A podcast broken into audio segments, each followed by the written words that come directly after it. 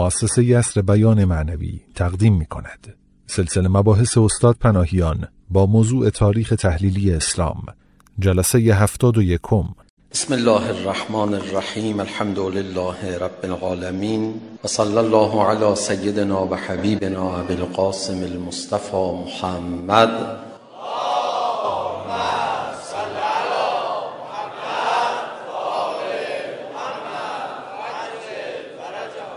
و آله الطیبین الطاهرین المعصومین لا سیما بقیت الله فی الارضین روحی و ارواح العالمین له الفدا. و لعن الدائم على اعدائه مجمعین الى قیام یوم الدین رب اشرح لي صدري ويسر لي امري واحلل عقدة من لساني يفقهوا قولي. ما درباره امیر المؤمنین علی علیه السلام به ویژه در زمان حیات پیامبر گرامی اسلام دهه اول ماه مبارک رمضان مقداری صحبت کردیم. قبل از اون هم تاریخ حیات نبی مکرم اسلام خاتم المرسلین محمد مصطفی صلی الله علیه و آله و سلم رو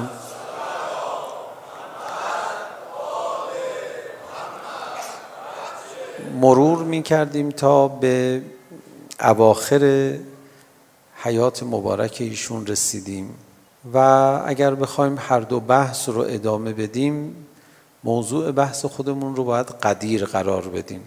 یعنی دورانی که پیامبر گرامی اسلام دیگه جامعه رو آماده میبینن از طرفی برای وداع با این جامعه یعنی عملیات تأسیس امت اسلامی انجام گرفته عملیات نزول وحی داره به پایان میرسه. عملیات نشان دادن اسوه ای که خود رسول خدا هستن لکن فی رسول الله اصوتون حسنه. اون مقداری که از رفتار خودشون باید به نمایش بگذارن داره به پایان میرسه. و اوج این دوران خداحافظی رسول خدا میشه قدیر. اتفاقا میدونید حدود یک سالی خداحافظی رسمی رسول خدا طول کشید. رسما فرمودن این آخرین حج من خواهد بود و البته میدونید غیر از اون هم حجی انجام ندادن به این معنای اسلامی که ما میگیم. خب نام حجت الوداع برای این حج قرار داده شد. همه اومدن و ماجرای قدیر شکل گرفت. یه مقدار از تاریخ بگم. در روایات هست این اعلام جانشینی امیرالمومنین علی علیه السلام در دو مرحله قبل از قدیر بنا بود که انجام بگیره. یکی در منا یکی در عرفات اما انجام نگرفت به خاطر سنگینی جو علیه این اعلام. بعد خداوند متعال دیگه فرمود شما باید حتما این رو اعلام بکنی. اگر اعلام نکنی اصلا رسالت خودت رو ابلاغ نکردی. و بعد حالا اون اتفاقهایی که افتاد بخشیشو قبلا مرور کردیم. میدونستن یه عده‌ای مثل این که این اعلام میخواد صورت بگیره. قرائنی رو دیده بودن. افرادی رو پای منبر پیغمبر اکرم گذاشتن. همچی که رسول خدا شروع کرد به سخرنی و بحث رو شروع کرد به مطرح کردن. اشاره کرد به علی ابن عبی طالب. اینا آبستراکسیون کردن. جلسه رو به هم زدن. بلنشان رفتن. خیلی عجیبه برای من نوشته در جایی حضرت فرمودن یا علی برو جمعیتی که عقب هستن جمع کن بیار جلو. یعنی اینقدر جلسه به هم ریخته بود. سخنرانیشون رو نگه داشتن. خب ما نباید به این ماجرا به عنوان یک حادثه مربوط به اون زمان مربوط به اون مکان و اون جامعه نگاه بکنیم این اشتباه بزرگیه مثلا بگیم خصلت‌های قومی مردم مکه یا مدینه قریش یا دیگران موجب شد که این اتفاق بیفته یک اختلاف داخلی بود اصلا معنا نداره زندگی پیامبر گرامی اسلام با این عظمت گیر بکنه به یه حادثه‌ای که ربطی به هیچ قومی نداره مسئله قدیر مسئله همه اقوامه مسئله همه امت اسلامی است مسئله همه جامعه بشریته مسئله فقط اختصاص به اون قوم داشته باشه که نیست طبیعتا شما این رو توجه دارید ما اصلا تو بحث‌های تحلیلی تاریخی خودمون همیشه همین روال رو پیش می‌گرفتیم مسئله گوش, کرد، گوش نکردن مردم به حرف رسول خدا در جنگ بدر نیست مردم حرف گوش نکنن خیلی از اوقات برای ولی جامعه دینی و اینا صدمه میزنه به مردم بحث اینه حالا در هر مرتبه اون ولی خدا رو در نظر بگیریم پیامبر باشه امام معصوم باشه غیر او باشه باید قانون برداشت کرد از تاریخ عموما به ویژه از تاریخ اولیاء خدا خصوصا. نباید از کنار تاریخ ساده عبور کرد. تاریخ برای همینه که آدم درس بگیره. امیرالمومنین نامه 31 نهج البلاغه رو من اولش رو برای شما یک سالی اینجا آوردم قرائت کردم. میفرماد حسنم حرفای منو گوش بده. چرا؟ چون من تاریخ خوندم. خیلی دقت کردم در تاریخ. انگار یکی از اونا بودم. در طول تاریخ باشون زندگی کردم. بعد هیچ بحث تاریخی هم نمی کنن. هیچ. همش نصایح اخلاقی و اجتماعی و اینهاست آقا این چه ربطی داشت به اون تاریخ خوندن شما؟ خب بله دیگه آدم تاریخ میخونه. قاعده زندگی من میخوام به تو بگم. این قاعده زندگی رو برداشت میکنم از اون تاریخ. اگه تاریخ میخونیم که قصه خونده باشیم. خب حالا ببینیم به چه نکته ای میخوایم بپردازیم؟ مقدمه ای باشه بلکه این بحث رو بتونیم تا ایده قدیر که در پیشه به یک جایی برسونیم. موضوع قدرت و معنویت تناسب این دوتا تعارضشون در ذهن مردم و تلازم اینها در عالم واقع یک موضوع بسیار مهم و حل نشده است. کاملا موضوع روزه یه عده مخالفن که رهبران معنوی قدرت پیدا کنن یه عده موافقن اما نه زیاد میگن قدرت شما در حد یک اعتبار اجتماعی باشه زیاد خرج نکن زیاد دیگه نه یا مدیریت کن عزل و نصب نکن آدم ها رو آدم خراب در میاد شما خراب میشی یه عده‌ای که موافقا جرأت نمیکنن موافقت خودشون رو ابراز کنن مثلا شما جزو موافقا هستین الان خود شما قدرت و معنویت رو معتقدی این دو تا باید با هم باشن پس قدرتمندترین فرد در استان اگر استان داره او باید شایسته ترین فرد برای اینکه جلو وایسته نماز بخونه باشه معنا نداره صورت دیگه ای باشه شوخی گرفتی حرفو یا جزو گروه دوم هستی که نه قدرتمندان لازم است آنچنان معنوی باشند نه اهالی معنویت لازم است آنچنان قدرتمند باشند اهالی قدرت کمی معنویت داشته باشن خوب است اهالی معنویت هم کسی کمی قدرت داشته باشن خوب است این نظر دوم بود نظر اول هم که اصلا مخالف تلا... تن... تلازم و تجمیع قدرت و معنویته نظر سوم میگه نه این دوتا یکی هم آی میگه میشه آه چه حرفی میزنیم اصلا تو جامعه ما که همچین نظر سومی جا نیفتاده من نمیدونم چرا مردم ما میگن ما مرید علی ابن ابی طالب علیه السلام. مرید چی چی علی ابن ابی طالب علیه السلام هستی؟ مرید شخصش نه شخصیت حقوقی او. و معاویه هم مرید شخص امیر المومنین بود. وقتی که از دنیا رفت به شهادت رسید امیر المومنین معاویه متأثر شد. بعضی میگن از نفاقش بود. چه نفاقی؟ گریه کرد. خب بله اون دروغ گفت گریه کرد. برای چی آخه دروغ بگه؟ وقتی که تایید میکنه امیرالمومنین رو داره خودش رو تخریب میکنه. نه امیرالمومنین انقدر عظمت داشت او رو هم به خاک نشوند. در تواضع به خودش در احترام به خودش در محبت به خودش. اونم میفهمید با همه ویژگی هایی که داشت آقا یه چیز دیگه است. حیف شد رفت. درسته دوست نداشت. دخالتی بکنه امیر المومنین در قدرت او. اما بالاخره میفهمید او کیه. تکون خورد.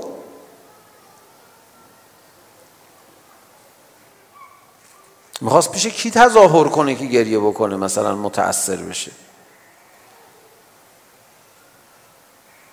اعتراف میکنن ابو جهل مگه اعتراف نمیکرد؟ خیلی ها اعتراف میکنن. به خوبی اولیاء خدا واقعا نمیتونن اعتراف نکنن و نکنه ما هم همینجوری همینجوری داریم اعتراف میکنیم. ولی اون چیزی که امیرالمومنین علی علیه السلام رو مظلوم قرار داد چی بود؟ اینکه حساب قدرت رو از معرفت جدا کردن. حساب قدرت رو از معنویت جدا کردن. الان بهانه ای که هست برای جدا سازی قدرت و معنویت اینه. موضوعی به نام مهارت رو وسط میکشن.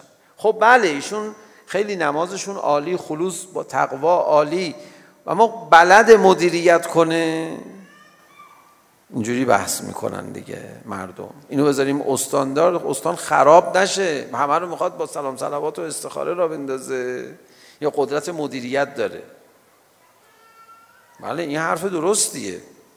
قدرت و معنویت جایی باید دیگه باید جمع بشن با هم دیگه که چیزی به نام مهارت وجود داشته باشه. مهارت مدیریت. بله این حرف درستیه. ولی خیلی ولی داره. خیلی اما و اگر توش هست.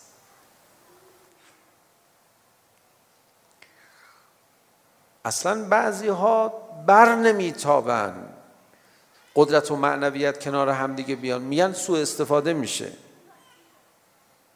معنویت خراب میشه. بگذارید معنویت پاک بماند. اصلا معنویت بخواد پاک بماند باید در عرصه قدرت خودش رو امتحان بده. یعنی امتحانش رو پس بده خودش رو امتحان کنه. مثلا یه آدم معنوی تا قدرت پیدا نکرده من از کجا بفهمم که این واقعا چقدر آدم معنویه؟ ما رو سر کار نمیتونی بذاری که. از سر بیارزگی یه کسی گناه نکنه که حدیث امام رضا علیه السلام یه بار با هم خوندیم. قیمت نداره که. قدرت بهش بده بعد ببینم چقدر از معنویتش باقی میمونه. نمیبینی خیلی ها قدرت پیدا میکنن همون یه ذره اخلاقی که داشتن از دست میدن. همون یه ذره ایمانی که داشتن از دست میدن. شما نمیگی معنویت پاک بمونه. معنویت برای اینکه پاک بمونه باید در عرصه قدرت امتحان بشه. خیلی ساده اندیشی است. آدم بگه که این قدرت رو نیارید تو عرصه معنویت خراب میشه. آقا اصلا معنویت نیست اون که اگه در عرصه قدرت بیاد خراب بشه. معنویت رشد نایافته است. سر خودمون رو که نمیخوایم کلا بگذاریم. خداوند متعال با اهالی معنویت چه میکنه؟ چشم برزخی میده مصر رو طلا میکنن نمیدونم. قدرت تصرف بهشون میده. چرا خدایا این قدرت ها رو میدی به این؟ میخوام ببینم خراب میشه یا نمیشه. این گفته خدایا من فقط تو رو میخوام. دلو میندازه توی چاه مقدس اردبیلی آب بکشه بیرون. نماز بخونه وضو بگیره طلا میاد. میگه خدایا من آب میخوام الان وضو بگیرم. دو باره سه باره. خب بذارید کنار حالا آب بعدی رو. این طلا رو بذار کنار الان کلی نیازمند وجود داره. بریزیم بغل. دلو بعدی شاید طلا نیومد. حالا سه تاش هم طلا اومد. بگو الحمدلله. بذار کنار. بعد بنداز آب بردار چه ساده ای تو. اون میدونه که داره امتحان میشه. چرا خدا به اهالی معنویت قدرت میده؟ برای اینکه معنویت جز در عرصه قدرت امتحان نشه صداقتش عمقش معلوم نمیشه. از اون طرف چرا باید قدرت و معنویت با هم یک جا باشن؟ برای اینکه قدرت چیزی نیست که بدون معنویت بشه کنترلش کرد. ثروت رو شاید بشه کنترل کرد. و هر استعداد دیگری ولی قدرت کلا ان الانسان لیطغى ان رآه استغنا قدرت خیلی معنویت میخواد خیلی کمش واقعا به درد نمیخوره یه زمانی ما در این باره صحبت میکردیم میگفتیم دوران این حرف که سیاست عین دیانت است سیاست ما عین دیانت ماست گذشته مال زمان قدیم بود. الان باید گفت سیاست ما عین عرفان و معنویت ماست. یعنی این دوتا با هم یکی هم. ما نمیتونیم ببینیم سیاست بیفته دست کسانی که اهل معنویت نیستن. اخلاق که دیگه چه عرض کنم؟ اخلاق حد اقلشه در اوج تقوا باید باشه تا خدا قلبش رو هدایت کنه. میگه آقا اهالی معنویت نباید قدرت داشته باشن. خب یه سوال. معنویت قدرت آفرین هست یا نه؟ میگه بله هست. خب بریز دور. باشه چشم. شما گفتیم الان خیلی ها هستن. قدرت برآمده از معنویت رو میریزن دور. میدونید؟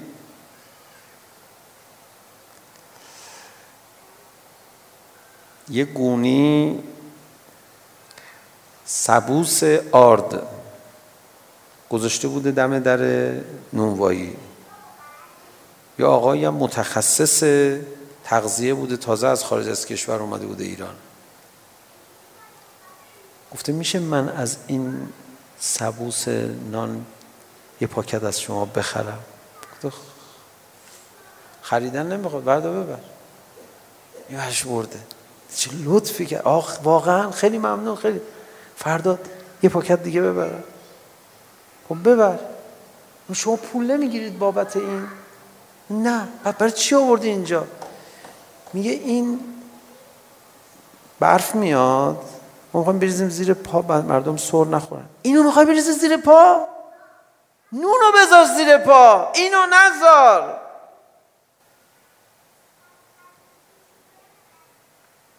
نون بدون این هزار تا بدبختی برای معده میاره. اینه که معده و دستگاه گوارش رو نگه میداره. این قیمتش بالاتر از اون آردیه که تو داری مصرف میکنی. شکم پر کنه اون فقط. میگه آره ما میریزیم رو زیر پا.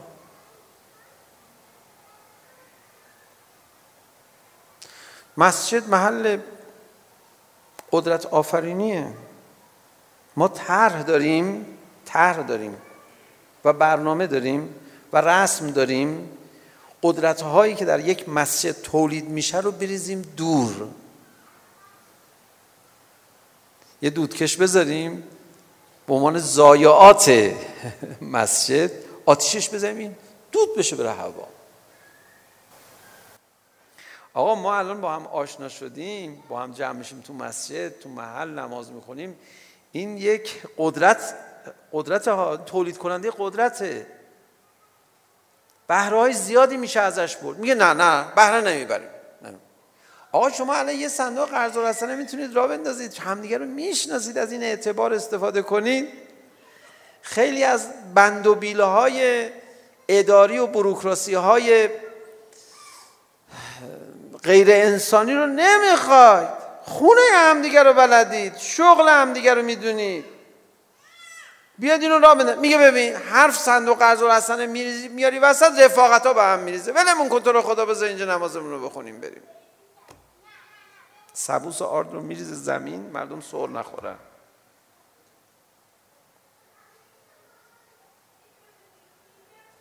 احمقانه تر از این شرایط میشه؟ معنویت قدرت آفرینه. میگه استفاده نکنی ها. چرا استفاده نکنی؟ پس از چی استفاده کنیم؟ میگه بذار ثروت قدرت بیافرینه مکاری و هیلگری قدرت بیافرینه. هر مرضی قدرت بیافرینه اشکال نداره. معنویت قدرت نیافرینه. ای بابا.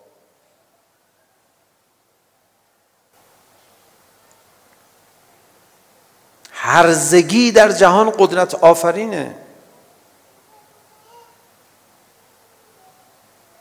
تو انتخابات های ریاست جمهوری های کشورهای غربی ببینید عوامل رای جمع کردنشون چی هست معنویت چرا قدرت آفرین نباشه؟ آه ریاکاری میشه. چشم. شما ریاکاری نشه اصلا نماز جماعت نرو. ریاکاری نشه هیئت هم نرو اصلا کلا برای اینکه ریا نشه فوت کنی بهتره چون خیلی ریا یه دفعه اومده شده مهمتر از هر چیز دیگه ای کی گفته این حرفا رو ریاکاری بده ولی نه به این قیمت که تو سر دین رو ببری میگم من بعضیا دقیقا همین کار میگه دینداری خوشم نمیاد چرا چون امکان ریاکاری توش داره اینجور آدم همینجوری استدلالهاشو پیش ببره میگه من غذا نمیخورم میمیرم از گرسنگی چون غذا بخورم ممکنه یه گاز بدبوی مثلا تولید بکنه. بله تولید میگه خودتو کنترل کن. چی میگه آدم؟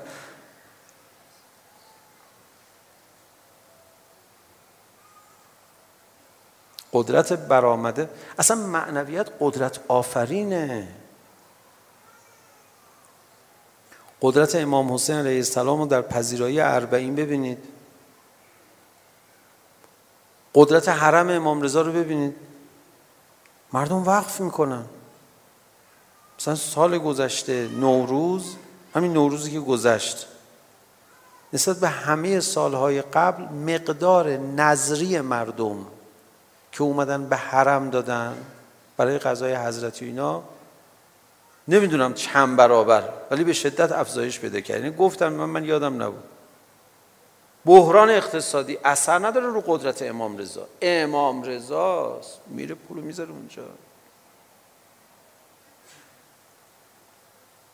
نه نه استفاده نشه از قدرت امام رضا. وقت یه صدای خوشی کسی داشته باشه. یکی سی هزار تومن پول بلیتش باشه. درسته؟ نه اشکال نداره اشکال مثلا حالا بره مثلا طرفدار یک بازیگری طرفدار یک چیز اشکال نداره آقا عکسشو میندازه رو دیوار کنار یه استکان چای مثلا از این طریق پول در میاره نوش جونش اشکال نداره ولی معنویت نباید باش زندگی کرد بذارش کنار باش خیلی جالبه نیست. از قدرت یه وقت استفاده نکنیم دو تا روایت برای شما بخونم. فوق العاده جالبه. خیلی خاص روش فکر کنید و روزه بخونم. ارزم تمام. امام حسین علیه السلام در صحرای منا با 700 نفر از صحابه و تابعین سخن گفت قبل از قیام خودش. فرمود شما آدم های معتبری هستید در جامعه. جا مردم به شما احترام میذارن چون یا پیغمبر رو دیدید یا اصحاب پیغمبر رو باشون هشت و نشت داشتید. بهشون میگن تابعین صحابه و تابعین. تابعین نسل دوم صدر اسلام هستن. میگه مثلا من نوجوان بودم رسول خدا تشییع جنازه شون رو مثلا بودم. میدونی اینجوری ها مثلا. میفرماد مردم به شما احترام میگذارن. امام حسین علیه السلام میفرماد چرا به شما احترام میذارن؟ مگه شما چه خدمتی به مردم کردید؟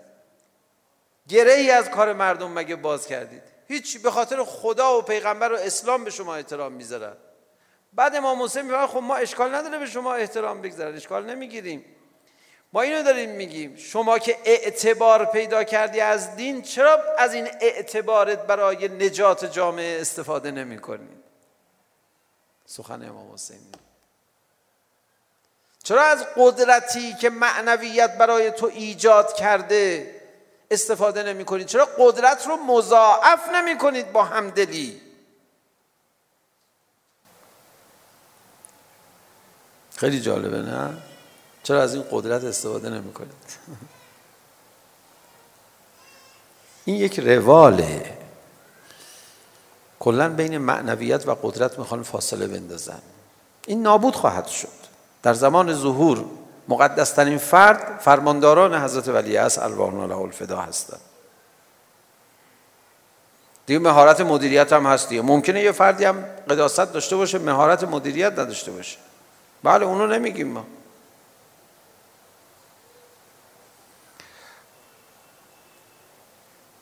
خب از اون طرف یک روایت دیگه ای رو بخونم براتون از امیرالمؤمنین. یه سوال جواب از این سوالای تستی هست. تو مهمونی ها میشه از همدیگه پرسید. و معمولا کسی جوابشو بلد نیست. بعضی از این سوالا خیلی بی ربطه. بعضی از این سوالا رو من پیشنهاد میکنم خیلی با ربطه. مثل این سوال. اولین کسی که جشن گرفت برای قدیر و سخنرانی کرد و آداب قدیر رو جشن قدیر رو توضیح داد چه کسی بود؟ خود امیر المومنین بود. سالها بعد. در میان جمعی از دوستانشون.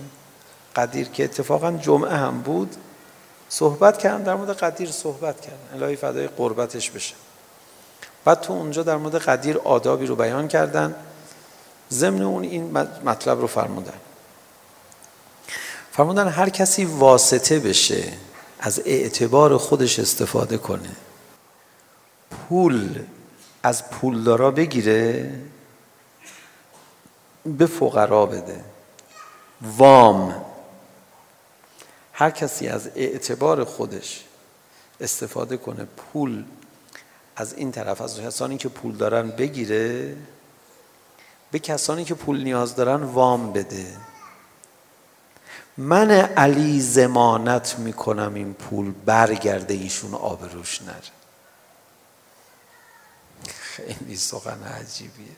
معنویت قدرت آفرینه دور نریزیم.